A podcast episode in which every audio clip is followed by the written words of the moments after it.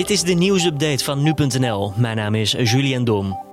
In heel Italië gelden vanaf vandaag reisbeperkingen om de verspreiding van het coronavirus tegen te gaan. De premier van het land maakte bekend dat mensen enkel nog mogen reizen voor van en naar hun werk, voor boodschappen en voor noodsituaties.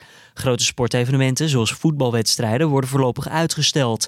Ook alle andere openbare bijeenkomsten worden afgeblazen. Scholen en universiteiten gaan begin april pas weer open. De maatregelen zijn volgens de autoriteiten nodig om de kwetsbaarste mensen van de samenleving te beschermen. De oneenigheid tussen Turkije en de Europese Unie over de migratiestroom moet de komende dagen worden opgelost. Dat zeggen de voorzitters van de Europese Raad en de Europese Commissie maandagavond na een bezoek van de Turkse president Erdogan.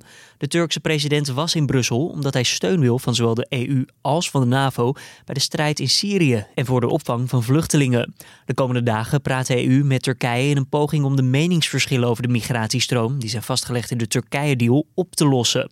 Momenteel bevinden zich in Turkije zo'n 3,5 miljoen vluchtelingen. Door de onrust in de Syrische provincie Idlib kan dat aantal met honderdduizenden oplopen.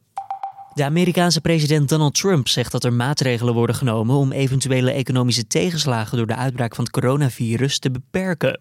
Om wat voor maatregelen het precies gaat, wordt later vandaag bekendgemaakt. Al sprak Trump over mogelijke tijdelijke belastingvoordelen.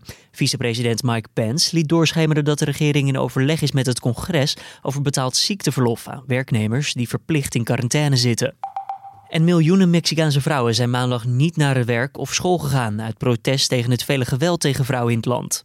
Onder het motto Een dag zonder ons willen de vrouwen laten zien hoe het eruit zou zien als zij uit de samenleving verdwijnen. In de laatste vijf jaar is geweld gericht op vrouwen met 137% toegenomen. Dat laten cijfers van de Mexicaanse overheid zien.